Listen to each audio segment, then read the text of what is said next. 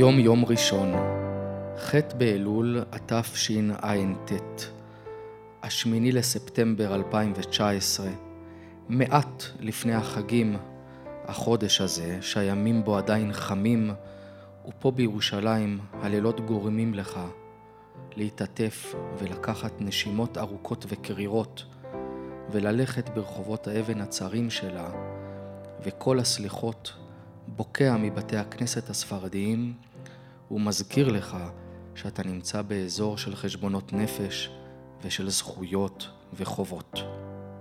אתה מתפלל שהזכויות יתגברו על החובות.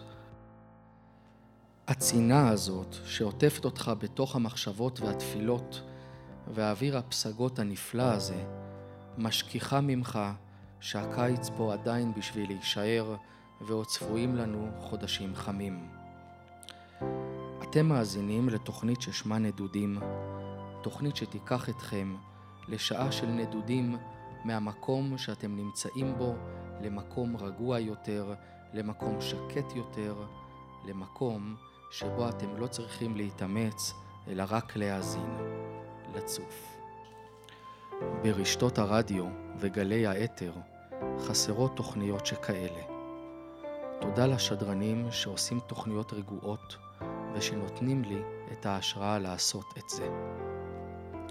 את התוכנית הראשונה שלי אני רוצה להקדיש לאשתי רוחמי, ושכולם קוראים לה רוחמה. וכשמה כן היא. היא שמלמדת אותי על החיים, על אף שהיא צעירה ממני בהרבה. אישה שאני לומד ממנה על צניעות ועשיית צדקה ועזרה לזולת וחשיבה על הזולת ללא פרסום. וזו רק דוגמה קטנה. בתוכנית תשמעו בקצרה על מחקרים חדשים ומעניינים בכל התחומים, כותרות מהעיתונים ומהאתרים, כולל עיתונים ישנים, אבל כותרות שפחות נמצאות בחזית. על פוליטיקה ידברו כולם. אנחנו נדבר על דברים שונים, נשוחח עם אנשים מעניינים, נשמיע דעות וקצת מוזיקה מרגיעה. ליצירה היפה שמתנגנת לה ברקע קוראים Broken Way והיא נמצאת ביוטיוב. נדודים פותחת את שעריה עם מי שלצידי ולעזרתי, אברהימי הרמן, שאחראי על הצד הטכני ועל המכשירים, ובמקביל מנגן כאן בפסנתר, ויהיו לו גם הערות מחכימות ואפילו פינה מוזיקלית. כאן איתכם גדי ארנברג, אז נצא לדרך בעזרת השם, ושתהיה האזנה נעימה ורגועה.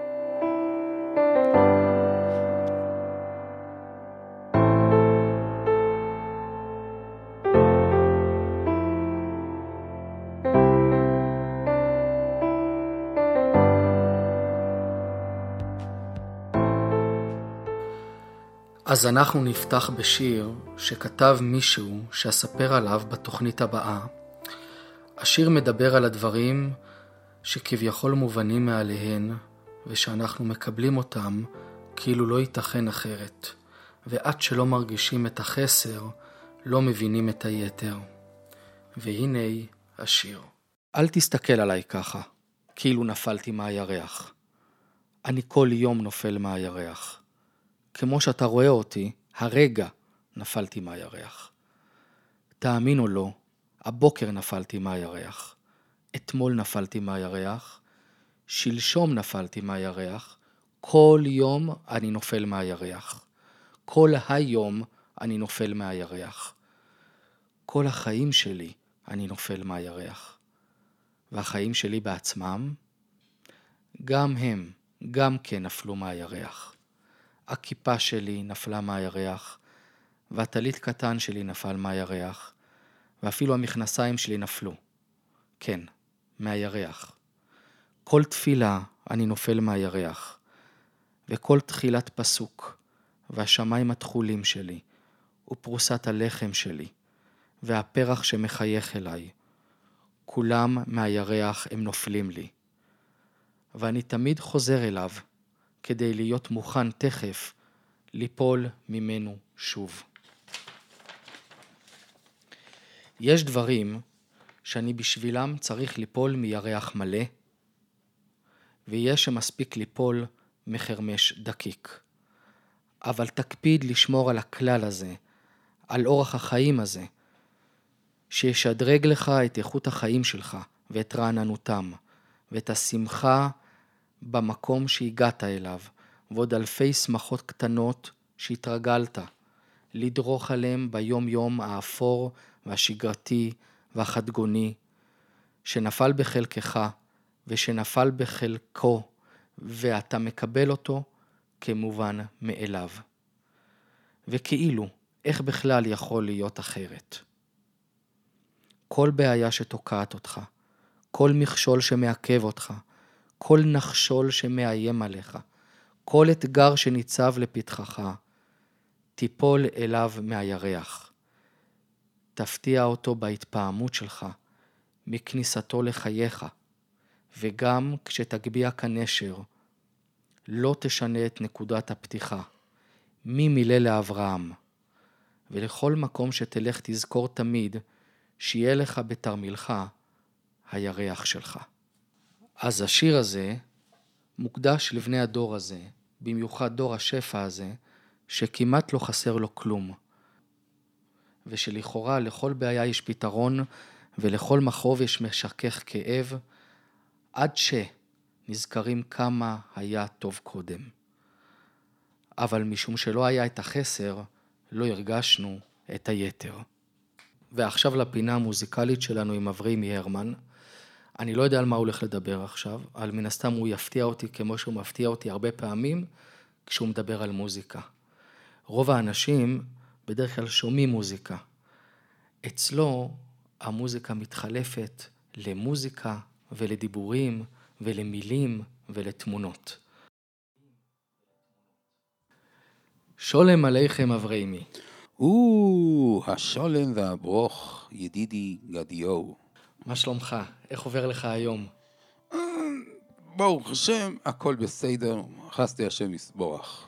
אתה רמזת לי שאתה הולך לדבר איתי על משהו שקשור לזכויות יוצרים.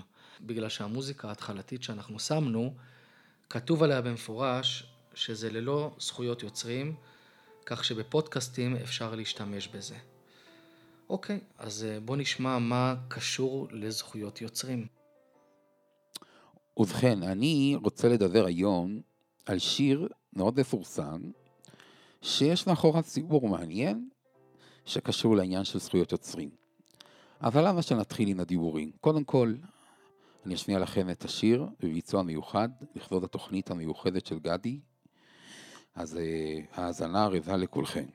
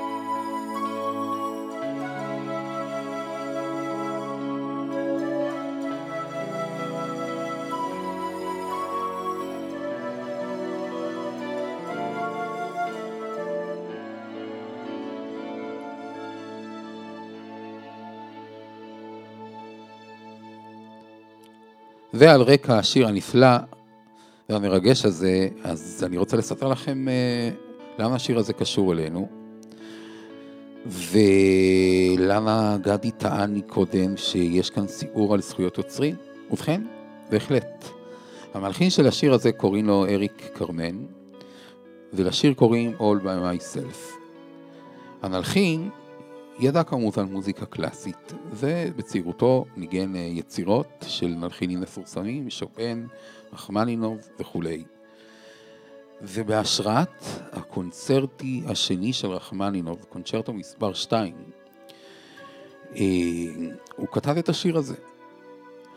חלק מהמנגינה מופיע בקונצ'רטו באופן מובהק וחלק אה, בצורה יותר נסתרת, כנהוג במוזיקה קלאסית, שהמנגינה לא מופיעה תמיד באופן ברור למאזין, אלא היא מוחבאת בין כל מיני כלים ושכבות, אבל בהחלט הבסיס בהחלט מופיע שם, ובפרט המהלך ההרמוני שנלווה את המנגינה, שכלל כמובן חידושים מאוד מעניינים מבחינה הרמונית.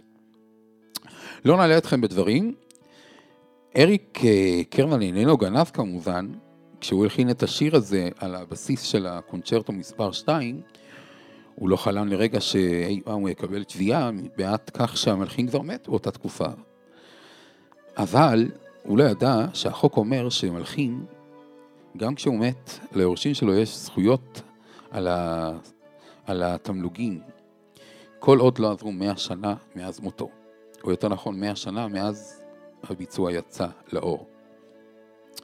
וכך, הרבה זמן לאחר שהשיר יצא, היורשים של רחמנינוב תבעו את אריק בגין אה, גנבת זכויות יוצרים,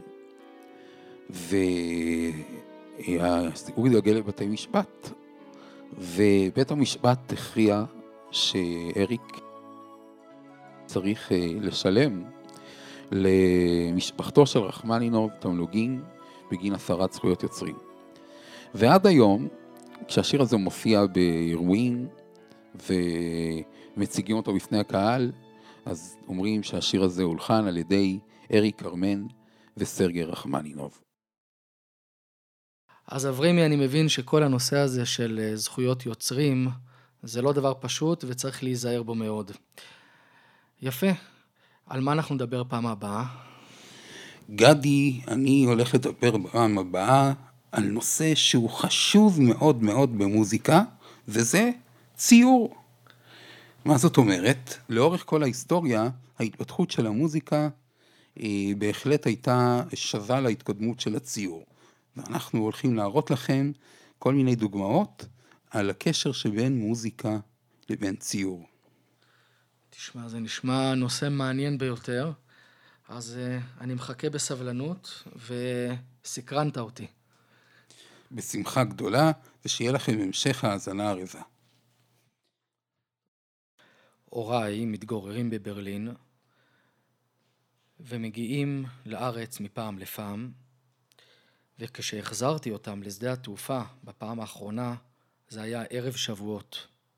וניצלתי את הנסיעה לשדה התעופה לשאול אותם איך הייתה ההרגשה כשבעצם שחררו את הכותל. אז תוך כדי נסיעה אנחנו מדברים, והקלטתי את השיחה המעניינת הזאת. אמנם יש את הרעש של הנסיעה, אבל מן הסתם התוכן מעניין והרי הוא לפניכם. טוב, אז אנחנו עכשיו בנסיעה ומנצלים את הזמן לדבר קצת על אה, מלחמת ששת הימים ובעיקר על הפעם הראשונה שהולכים לכותל. אז אה, אימא, תספרי לנו איך בדיוק זה היה, איך היה הרגשה, האם התכוננתם לזה, האם חיכיתם לזה? אה, מה זאת אומרת התכוננו? אנחנו כן. עד הרגע האחרון לא ידענו בכלל שירושלים העתיקה נכבשה. ואני, באופן אישי, הייתי בת 17 וישבתי במקלט עוד יום אחד בגלל הפחד הנורא. אבל ברגע שידענו שירושלים שוחררה ואנחנו נלך, נוכל ללכת לכותל, אז uh, זאת הייתה בשורה פשוט uh, לא יאומן כי יסופר, כי אני זוכרת איך אימא שלי תיארה את החיים בעיר העתיקה, ואחר כך איך העיר העתיקה נכבשה על ידי הערבים, ואת כל השנים האלה, את כל הגעגועים למקום, לכותל, למקומות הקדושים. כי אימא שלך הייתה גרה בעבר? בעבר, כשהייתה נערה היא הייתה גרה בעיר העתיקה. כן. אם רוצים לדעת אה, בדיוק מה הרגשנו, אז אה, בתור נערה אני זוכרת מה לבשתי בדרך. כשהלכנו לכותל. מה לבשת? הייתה לי אה, חליפה ירוקה עם נקודות שחורות שאני הצבתי אותה ונתתי לתפור אותה. אני זוכרת את הנעליים הלבנות. אני זוכרת איך התחלנו ללכת כשלא ידענו לאן אנחנו מגיעים. אמ, המון המון זמן הלכנו ברגל בחום מאוד מאוד כבד, כי הלכנו בדרך הארוכה, בדרכים האחרות אי אפשר היה עוד לעבור. הלכנו בדרך הארוכה, דרך הר ציון, כשאיתנו הולכים אלפי אנשים, אם לא יותר. וכולם עם הרגשה של אה, רוממות רוח בלתי רגילה, עוד מעט, עוד מעט, עוד מעט. אנחנו מגיעים למקום שקוראים לו כותל, וראינו אותו רק בתמונות מאוד מאוד uh, ישנות. כשהגעתם לכותל, מה ראיתם כשהגעת למקום? Um, ראינו כותל, ראינו... Um, זה כותל שבעצם את ראית קודם רק בתמונות. ראיתי אותו רק בתמונות, מקום מאוד מאוד ארוך וצר, כשתמיד הדמויות היו בשחור לבן וקצת מטוש... מטושטשות, וכנראה שיום או יומיים לפני שבועות הכשירו את כל, ה... את כל השטח, אז... אמ, מה, מה היה שם? הבנתי שהיה שם את שכונת המוגרבים שכמעט הייתה צמודה לכותל. כנראה ש... שהשטיחו את כל הבניינים או הדירות או הבתים שהיו שם, ואנחנו הלכנו ברחבה לא גדולה, בחול, באבנים, וכמה כל כך שהיו הרבה אנשים, בכל זאת לכולם היה מקום. היה שקט מוחלט, תדהמה בלתי רגילה. שלום. אה, והיה שם מחיצה בין הגברים לנשים? כמובן שלא, כמובן שלא. כולם עמדו ביחד. לא, לא חושבת שהיה מצב שאפשר היה לעשות אז מחיצה. היה שם ספרי תורה? היה שם חילקו שם תהילים? לא, לא, לא, לא, לא, לא, לא הגענו, גם לא הגענו עם סידורים ולא הגענו עם תהילים. אמ, ההלם היה כל כך גדול, אני חושבת שאנשים מה שהיה חשוב זה להגיע לקיר. זה מה שהיה חשוב. ואני זוכרת את, ה, את ההתרגשות הבלתי רגילה לראות את כל ההמון הזה צועד, ובאמת באושר ובתדהמה. יפה, יפה. אבא פה לידי, ואתם אה, הייתם בישיבה באותו זמן, נכון? אה, במלחמת ששת הימים אה, בשנת 1967, כמובן היינו נערים בני 17, וכן, ראינו את המטוסים, חגים טסים מעל, ושמענו. גם uh, הגיע לאוזנינו שהעיר העתיקה נכבשה והכותל בידינו. Uh, כן, הייתה התרגשות גדולה, וכשפורסם שיש אפשרות אה, בחג השבועות בפעם הראשונה לבקר, אה, להגיע לכותל, אז הייתה החלטה של, אה, של סבא, של ראש הישיבה, שאנחנו הולכים לחוג את חג השבועות בירושלים. אני לא זוכר הכל. הייתם במושב בית מאיר, הישיבה הייתה במושב... הישיבה הייתה במושב בית מאיר, לא שייך ללכת ברגל בחג. אז זכור לי משום מה, אני לא יודע איפה, זכור לי משהו בראש מחנה יהודה. אבל לא יודע אם זה נכון. שהייתם באיזשהו מבנה שם. יכול להיות, כן. ו- ושם כנראה למדנו כל הלילה. עכשיו, אני אפילו לא זוכר אם התפילת החג הייתה בווסיקין, במקום. אבל כולם צעדו לכותל. אבל באיזשהו שלב, כולם, שיירות, עלייה לרגל, מה שנקרא, אחרי שנים שהיה מנותק. עלינו, ומה, התמונות שזכורות לי, שאנחנו נמצאים על ההר ציון למעלה, ומבעד לתריסים אני רואה עיניים של אה, ילדים ערבים מסתכלים בנו בפחד איום ונורא איך שאנחנו הולכים, והמעניין שבעיניים שלהם היה פחד או סקרנות, אצלנו לא היה פחד בכלל. הייתה הרגשה של ביטחון, ועוד לא התחיל גם הטרור, מה שאחר כך, אה, כל האינתיפאדות והכל, זה לא היה, כנראה שנפל עליהם אימתה ופחד, כזה פחד, ואנחנו הלכנו בביטחון, והייתה הרגשה של רוממות רוח. אני זוכר ששני חסידים, אחד מדבר לשני בנושא הזה של אין מחיצה. הוא אומר, טוב, הוא אומר, היום לכבוד האירוע הגדול מותר. ככה חוסיד אחד אומר לשני, ולא היה שייך בכלל אז אה, נושא של ההפרדה. אז לכן אני לא יודע באמת אם היו תפילות, כיוון שאי אפשר הרי לעשות תפילה בלי מחיצה. אז יכול להיות שבאו ליד הכותל כדי להגיד פרק תהילים, אולי אה, משהו וכולי, להגיד שלום לכותל. לא זכור לי אם היו שם מניינים, כמו שאתה אומר, היו ספרי תורה או לא, זכור לי צפיפות, פשוט שישה באמה, מה שנקרא, צפיפות ממש נהדרת, וכפי שאימא אמרה, הרחבה הייתה שטוחה, זאת אומרת, כל, כל אותן תמונות שתמיד ראינו בחלומות שלנו, כותל ויש לידו בית ועוד בתים, זה הכל לא נשאר. היה כותל והייתה רחבה. כמה הגודל של הרחבה? אני לא יכול לומר, אני, זה ברור שזה לא הרחבה של היום, הרחבה הייתה הרבה יותר קטנה. בתור ילד אני רק זוכר כשהיינו הולכים אה, קרוב לחומה של העיר העתיקה, ראינו את הליגיונרים, כן? כן. ומבחינתי זה נגמר הסיפור הזה, ברוך השם שזכינו. והעיר העתיקלך, העיר העתיקה, ירושלים, חזרה לעם ישראל לעד ולעולמי עד לנצח נצחים. והנושא הזה של שבועות שכולם צועדים לכותל, כל הישיבות, מן הסתם זה התחיל מאז, מהסיפור הזה בעצם.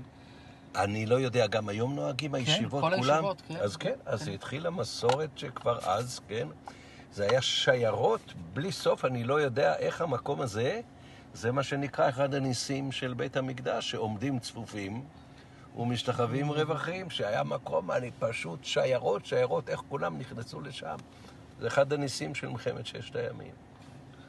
טוב, אבא ואימא יקרים, תודה רבה לכם. הגענו לשדה, הגענו לשדה התעופה, זה היה בדרך שאתם חוזרים לברלין. שיהיה נסיעה טובה. תודה רבה, תודה. ועכשיו, לשיחה טלפונית עם מי שנקרא לו הראש ישיבה, שהוא אדם שעושה הרבה למען הציבור, אבל אני לא יכול לפרט יותר לפי בקשתו. נשמע ממנו כל פעם סיפור אחר או דעה אחרת. אני מתנצל מראש על איכות הטלפונית הפעם, ומקווה שנשפר את זה בתוכניות הבאות.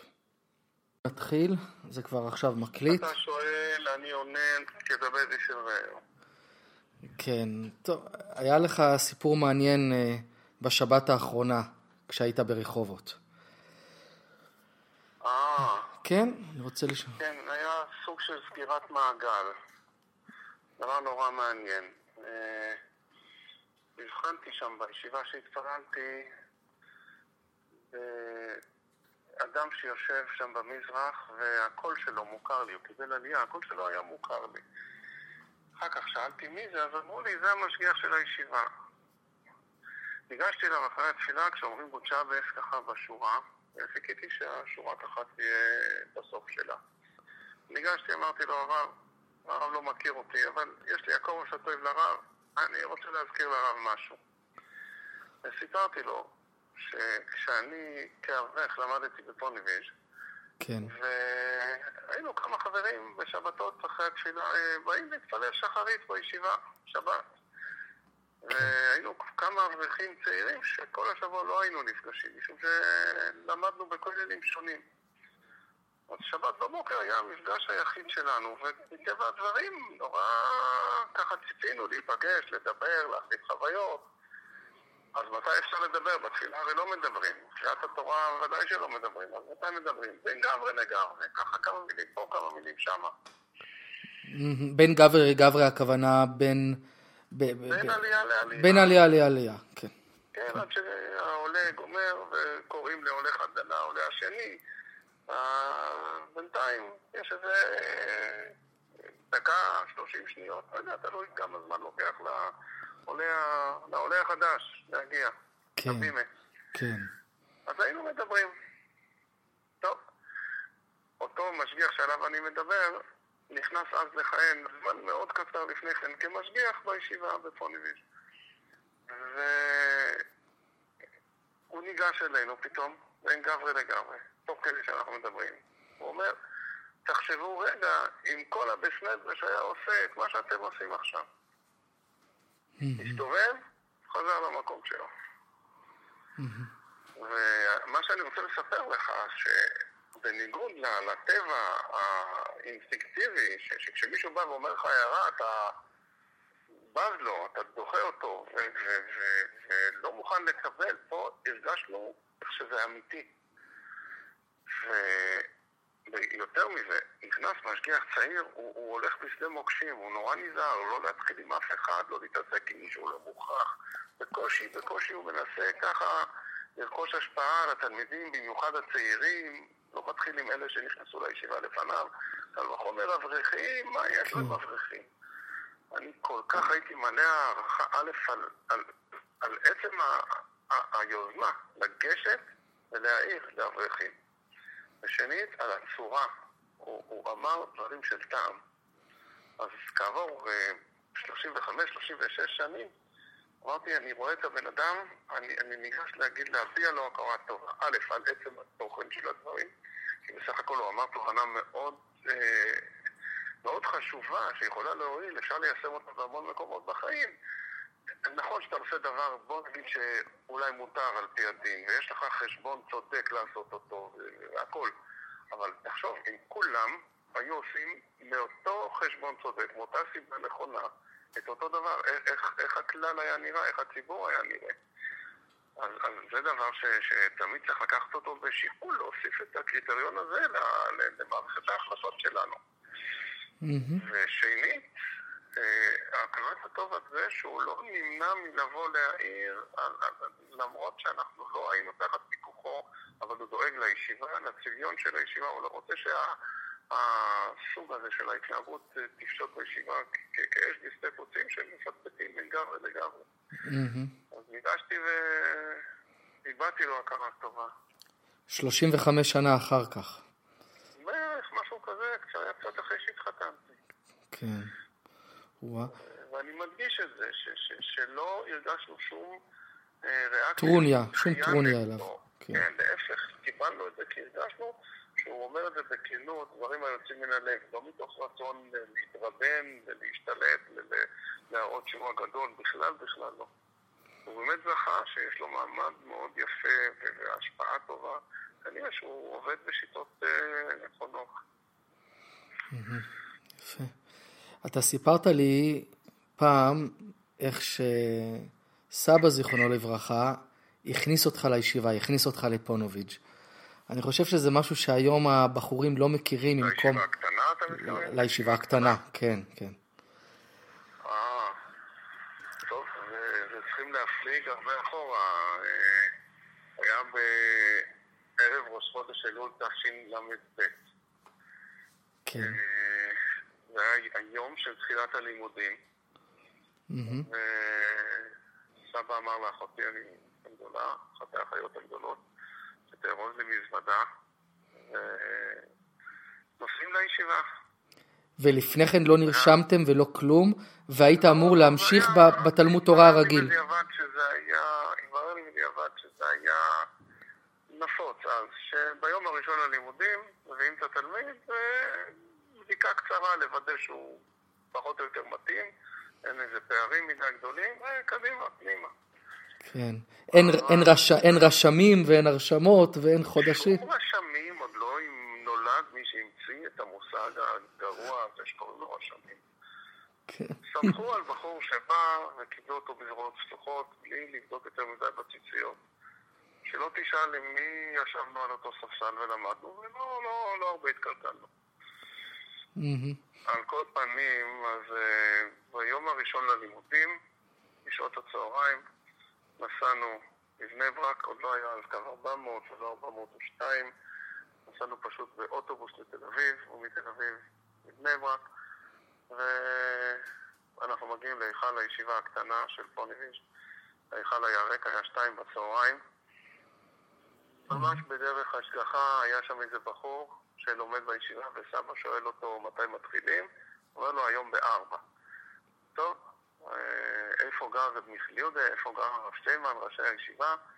אז הבחור ליווה אותנו אה, כמעט דרך קטנה והגענו לרב מיכל יהודה.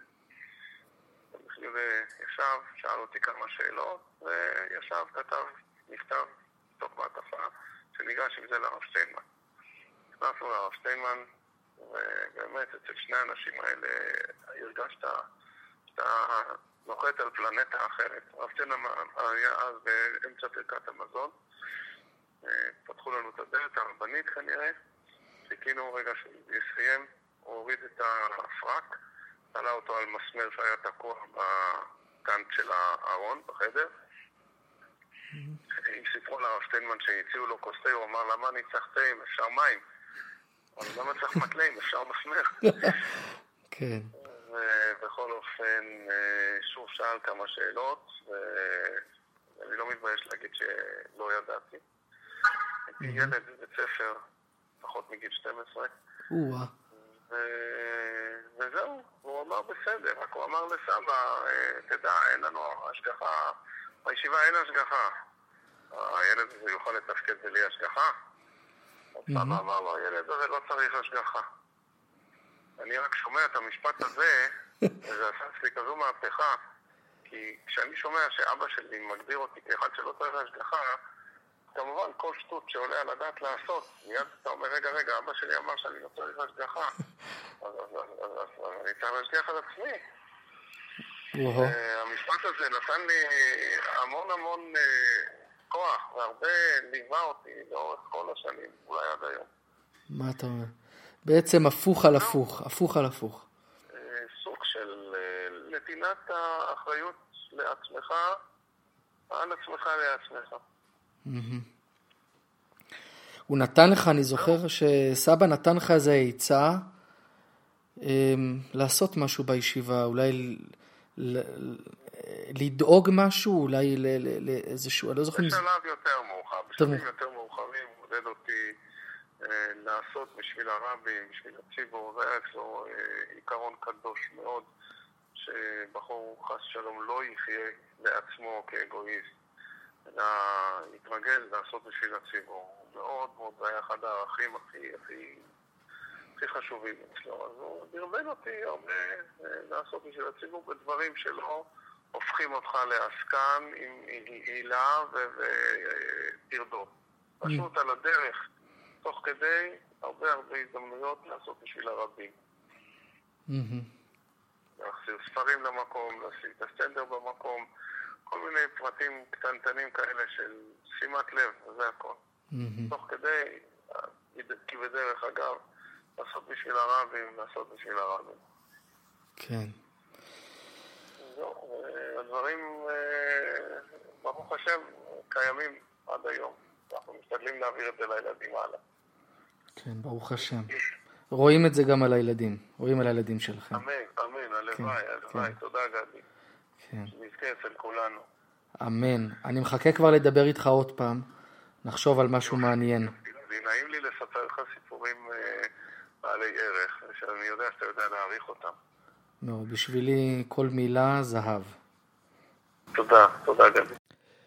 תודה רבה לראש ישיבה, ואחרי השיחה המחכימה הזאת, נשמע פה כמה צלילים מאבריימי, אבריימי, מה אתה מנגן לנו עכשיו?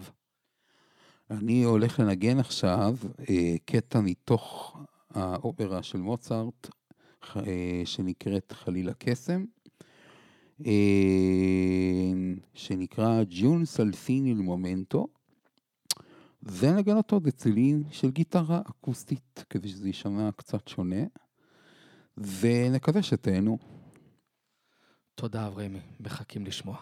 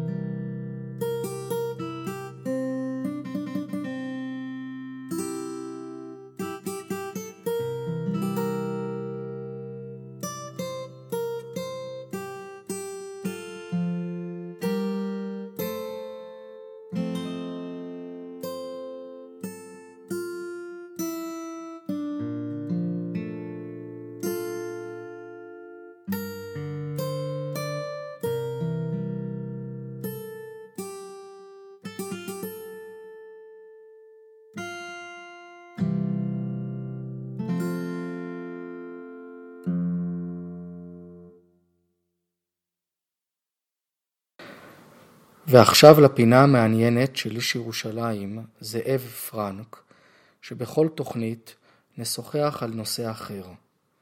והנה אני מתקשר אליו, ונשמע מה יש לו הפעם.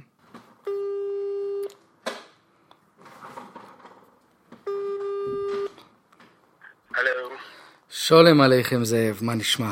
מה נשמע גדי? ברוך השם. ברוך השם, ברוך השם. כיף לשמוע אותך.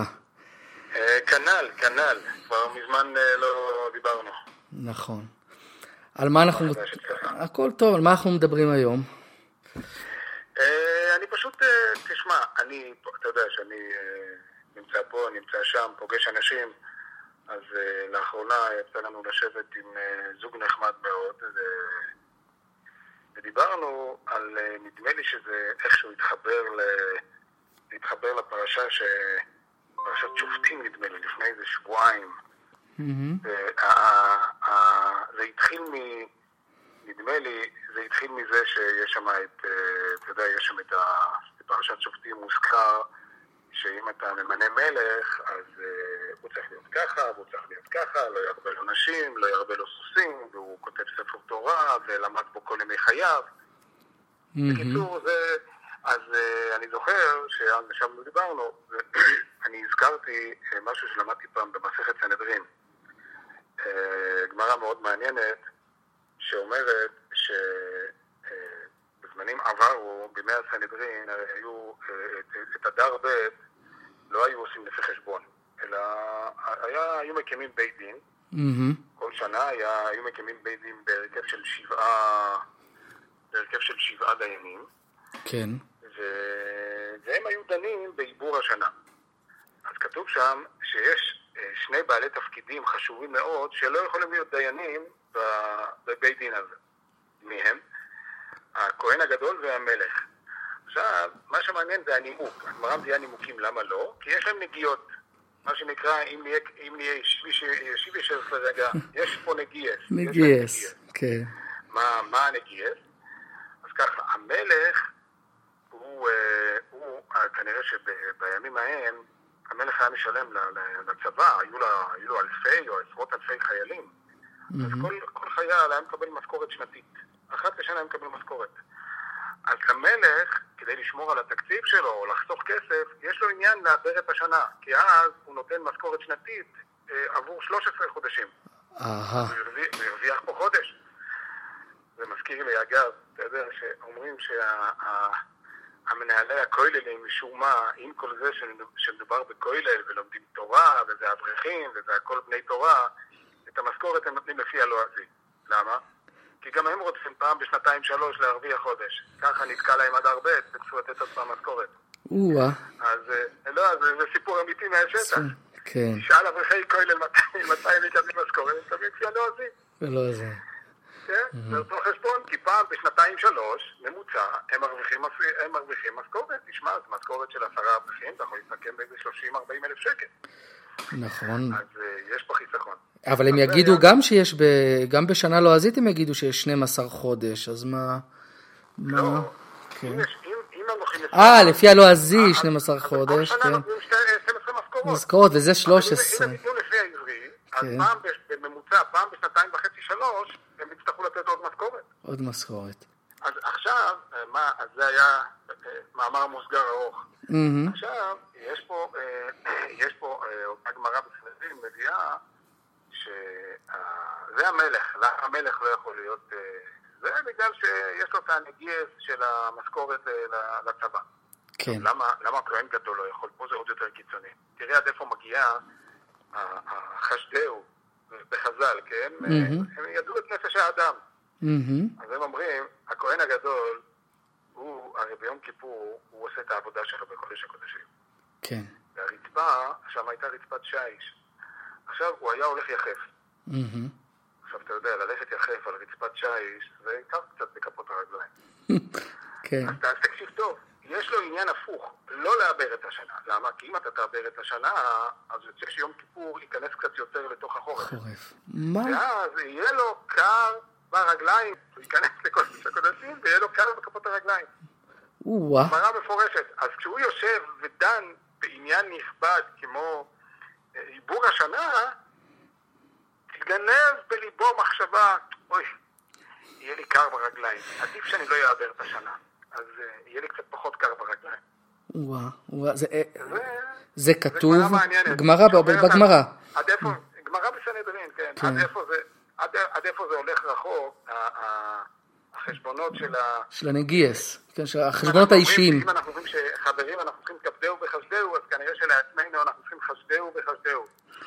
כן. אז אה, זה מזכיר לי, כשהייתי ילד, הייתי הולך לשמוע את ילד, נער, הייתי גר ברחוב נחום בגאולה.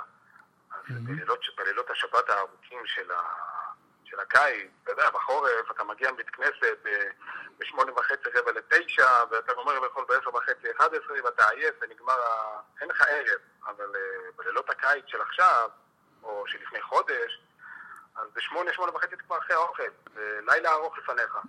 אז רב שולם שבדרון, זצ"ל, הדרשן, המגיד הידוע, היה דורש בזיכרון מוישה. שזה היה אז מרחק הליכה מהבית, מגאולה. אז אני ואימא שלי היינו הולכים לשמוע את הדרשות שלו. אז יש לו סיפור יפה ששמעתי ממנו אז, על נגיף. כן. הוא סיפר, רב שולם, שהוא היה, הוא למד בישיבה ב- ב- באירופה, אני לא זוכר אה, באיזה ישיבה הוא למד. או שזה היה תל, או שזה היה קלצק, לא יודע, למד בישיבה ב... כנראה בליטא באיזה מקום. מהמם. ואתה יודע, ב- באזורים האלה בחורף, אה, קר, אפור, שלג. אז הוא אומר שהוא התעורר באמצע הלילה, ואתה יודע, בחור ישיבה מתעורר באמצע הלילה, מה הוא עושה?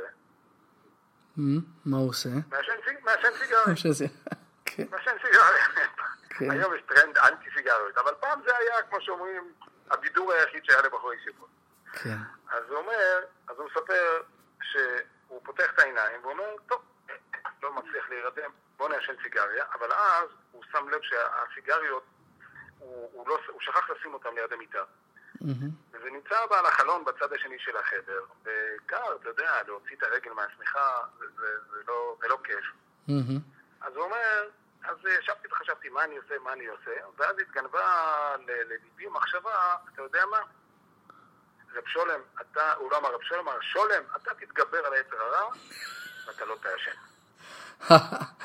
אז הוא אומר, ישבתי ככה וחשבתי, אוי, טוב מאוד, אני עכשיו הולך להתגבר על היצר, אני לא אעשן. אחרי כמה דקות חשבתי לעצמי, רגע, אה, שולם, היצר הורה עובד עליך. בעצם אתה עצלן, וקר לך להוציא את הרגליים החוצה, אז במקום להגיד לעצמך שאתה נכנע לעצלנו, לעצלות ולקור, אתה עוטף את זה בחסידס. איסגבר קארי.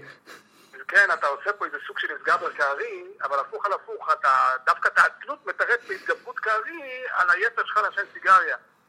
ואז אומר רב שולם, אמרתי לעצמי, אני אקום, אני לא אתעצל, אני אצא מתחת לשמיכה ואני אלך לקחת סיגריה ואני אעשן. מהמם. אז הוא מתחיל במנגינה, היום אולי לא מכירים אותה, ואז הוא מתחיל במנגינה כזאת, המנגינה המיוחדת שלו, והוא אומר, ואז אמרתי לעצמי, שולם, שולם, אתה שוב נכנע ליצר הורה. אתה בעצם רוצה לעשן סיגריה. כן.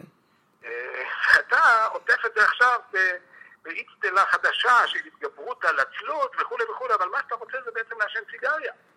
אז אתה, שוב, אתה שוב עוטף את זה, ב, ב, אתה שוב מתעטף באצטלה תבואה של התגברות על היצר. מהמם. אז הוא אמר את המאירא דרבי סי הידוע שלו, מאירא דרבי סי, מה עשיתי? קמתי, יצאתי מהמיטה, ניגשתי עד הסיגריות, הסתכלתי עליהן, וחזרתי למיטה בלי לעשן.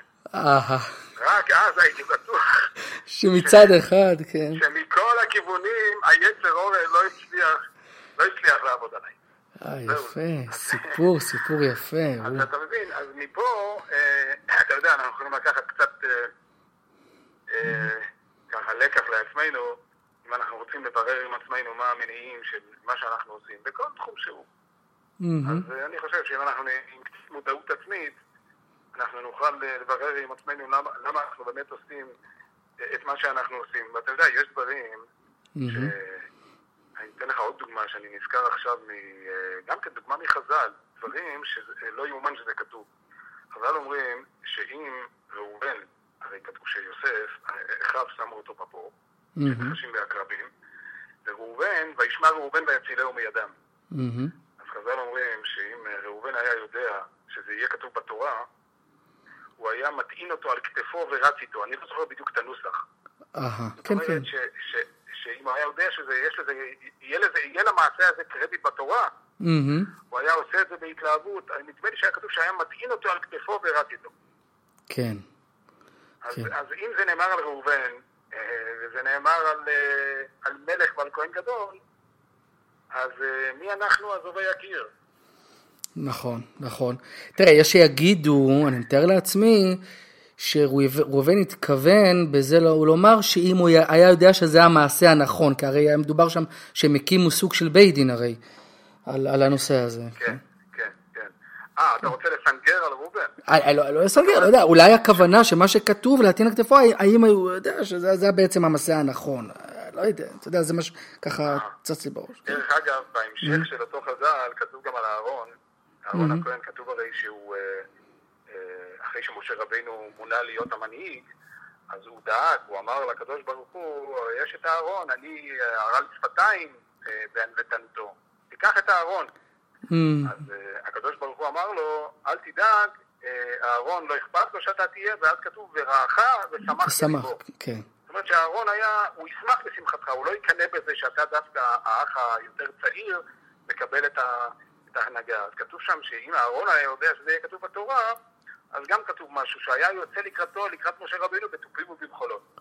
אהה, אז, אז גם פה, אה, אם אתה רוצה, אתה יכול לסנגר גם על אהרון הכהן. נכון, נכון. אבל, אבל זה כן, כתוב. נכון, נכון, נכון, זה כתוב, זה נכון. כתוב, ידרשו הדרשנים. מהמם, אתה יודע שאומרים על נפוליאון, שהיה לו תסביך, נפוליאון היה נמוך. נכון, כן. אומרים שאת כל המלחמות שהוא ארגן ועשה, זה היה כי היה לו תסביך נחיתות. הוא רצה להוכיח לכל העולם, ובעיקר לאימא שלו, מהמם, שלמרות שהוא נמוך, הוא גבר בגברים. הוא פייטר, והוא יכול, אה, ל- יכול להוליך אה, אה, מאות אלפי חיילים למלחמה. כן. אז לפעמים המעשים שאנחנו עושים.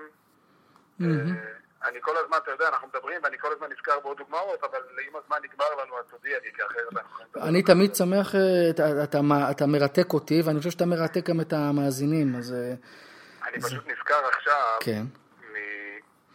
אני מערבב פה קודש וחול.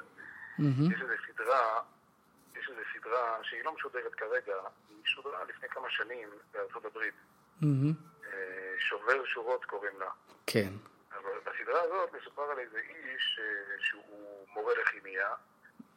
והוא אה, הוא חולה- הוא חלה בסרטן, כן. ואז הוא מחליט שהוא הוא, הוא יודע שהוא הולך למות, והוא גאון בכימיה, אז הוא מחליט שהוא רוצה להציל את משפחתו ולהשאיר להם כסף לילדים, שיהיה להם, יש לו בן ובת, הוא רוצה שהם, אתה יודע, זה מאוד יקר לעשות תוארים, והוא רוצה שהם יהיו מבוססים, שיהיה דירות לכולם.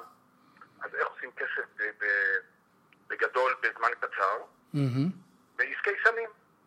אה, ומכיוון שהוא כימאי מדופלם, גאון, אז הוא מוצא איזו נוסחה איך לייצר את זה בצורה מהירה ובצורה אה, מושלמת, כדי שהשוק אה, ממש, אה, אה, כל הצרכנים בכל העולם אה, בשוק הזה ירוצו אחרי זה וישלמו הרבה כסף והוא יתעשר.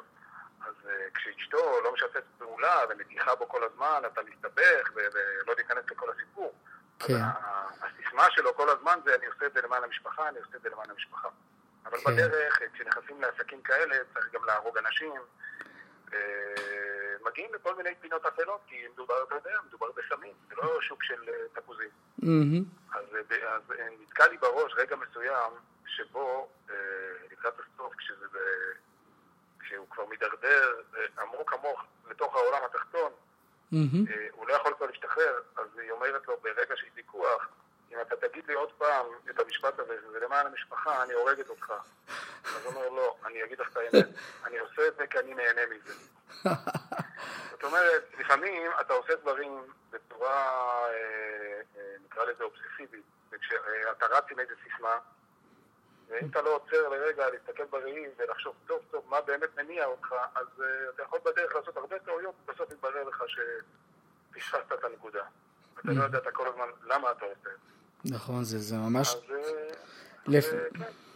אני מאמין שזה דילמה של הרבה מאוד אנשים שהם מנסים באמת לעשות המעשה הנכון, הנכון באמת, אולי מודעים גם לעצמם שיש להם סוג של נגייס ומנסים לנטרל את הנגייס ולא יודעים, כמו הסיפור עם רב שולם שבדרון, האם, אבל לרב שולם שבדרון היה את הפתרון, לקום ולא לקחת את הזה, אבל... אני אגיד לך, הדרך אולי לפעמים, זה פשוט לדבר עם מישהו, חבר טוב, אם זה נושא רגיש, זה חבר טוב שאתה סומך עליו, אתה שומע דעה נוספת של מישהו. כן. זה פותח לך, זה יכול לפתוח לך כיוונים. אהה, נכון. שתוכל לברר עם עצמך אם אתה באמת עושה את המעשה הנכון. מהמם. אה, אה, וכשנדבר בפעם הבאה, אז אה, אולי נדבר על כל הנושא הזה של, של, של, של השוויון בין גברים לנשים, איך, איך פעם המושגים היו שונים לגמרי. אה, גם פה אפשר לראות את זה, גם כשמעיינים, כשלומדים אפילו פרשת שבוע לפעמים עם, עם המפרשים הקלאסיים, אתה יודע, כמו רש"י, וממש עושים הקלאסיים שבקלאסיים. כן, או רמב"ן, או דברים כאלה. אתה רואה שפעם היו דברים ש, שהם אומרים את זה היום בשחור על גבי לבן, שאם אה, אם, אה, איש, אם, איש, אם פוליטיקאי היום יגיד את זה, אז יקלו אותו בכיכר העיר. מהמם. אז אה, זה נושא רחב שאפשר להרחיב עליו ולתת דוגמאות מה- מהחיים ודוגמאות מה... מ- מימים קדומים. אז אולי בפעם הבאה. אני מחכה ומצפה כבר לשמוע אותך בפעם הבאה עם הנושא הזה. תשמע, זה, זה, זה מצד אחד לא מקווה פוליטי שאני קורקט בטח. אני מכיר אותך? אני מכיר אותך קצת ואני מתאר לעצמי שזה לא יהיה כל כך פוליטי קורקט, אבל דווקא זה, אתה יודע, הרבה אנשים אוהבים לשמוע את האמת, אין מה לעשות. אה, אני מבטיח לך שזה יהיה עד כמה שאני מצליח לברר עם עצמי, על רקע מה שדיברנו עכשיו, כן, עד כמה שאני מצליח לברר את זה עם עצמי, זה, זה בדיוק כמו שהגדרת. אני משתדל לומר את האמת, ואני מבטיח לך שאני לא אהיה פוליטיקלי קורקט. זה אני יכול להבטיח לך. מצוין, מצוין, אנחנו מחפשים לצאת מהמסגרת, כן. כן. זה חומר למחשבה. בדיוק. כן. אה, זאב, תענוג לשמוע אותך, תענוג. תודה רבה, תודה רבה. ונדבר נדבר שוב. ונדבר אתה שוב. מוזמן תמיד. אתה מוזמן תמיד. חייב להגיד לך משהו. כן.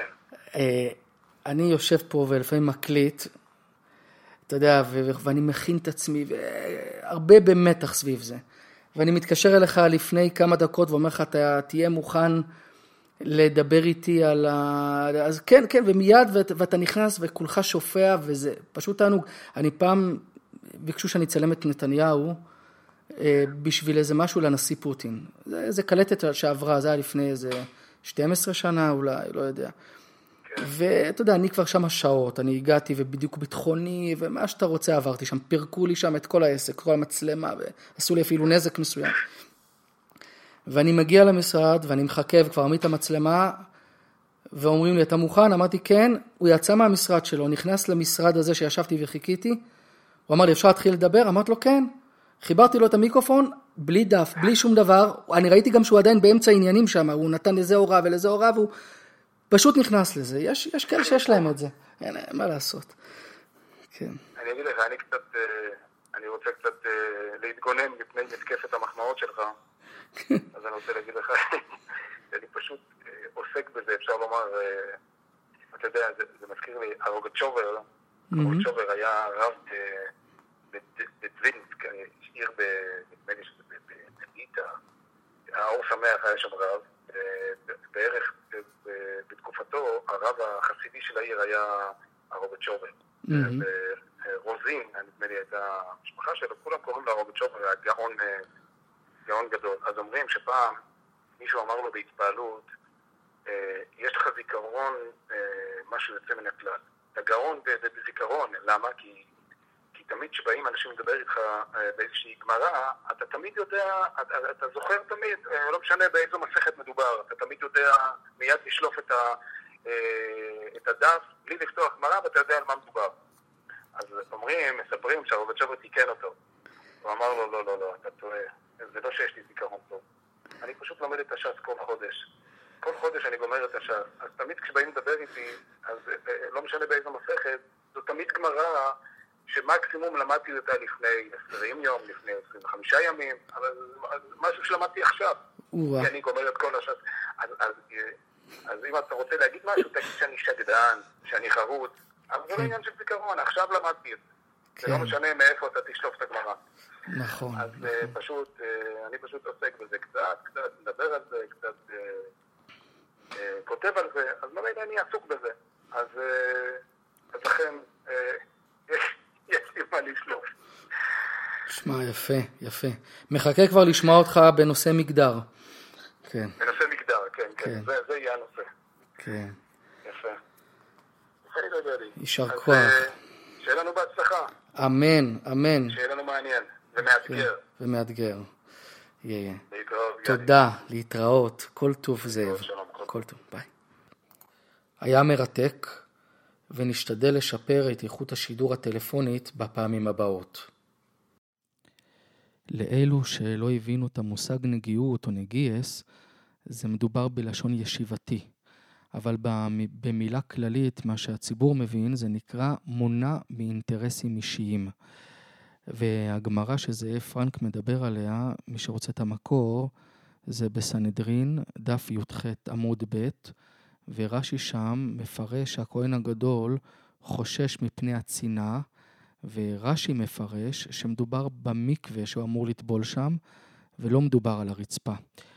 ולא מדובר על הרצפה הקרה, אבל מן הסתם גם מדובר על זה שהרי הכהן אה, עומד שעות ארוכות, ובהחלט זה קר מאוד. זהו, אות הסיום שלנו מתנגן ברקע, והגענו לסיומה של התוכנית הראשונה, מבלי שהספקנו להביא מכותרות העיתונים והמחקרים. אם ירצה שם, נביא את זה ועוד פינות מעניינות בתוכנית הבאה. אם שמתם לב, שיתפתי בתוכנית הזו אנשים שקרובים אליי, בני משפחה וחברים. אנחנו לא צריכים לחפש רחוק אנשים כישרוניים. זה כל הזמן סביבנו, ורק צריך להושיט יד ולקטוף. זה פה וזה נגיש וקרוב, ורק צריך להרים את העיניים. ובכלל, את הכוחות שלנו ואת הצדקה שלנו צריך קודם כל לתת לקרובים שלנו. וזה הזמן להודות שוב לאשתי רוחמי שסייעה לי רבות. תודה לאיתי שתמך בי טכנית בהקמת האולפן. תודה, תודה לאתרים שמהם שאבתי את הנושאים. תודה לאבריימי הרמן שאיתי כל הזמן ומנגן ועורך את התוכנית. נתראה אם ירצה שם בתוכנית הבאה. אתם מוזמנים לתקן, להעיר הערות בעין והערות באלף, לבקש קרדיט אם שכחתי, וכל דבר שאתם חושבים שיועיל בכתובת הדואר האלקטרונית שלי, גדי QQ שטרודל gmail.com שזה בעצם g-a-d-i-q-q שטרודל gmail.com איתכם הייתי גדי ארנברג, שלום ולהתראות בעוד זמן קצר, אם ירצה שם, שוב.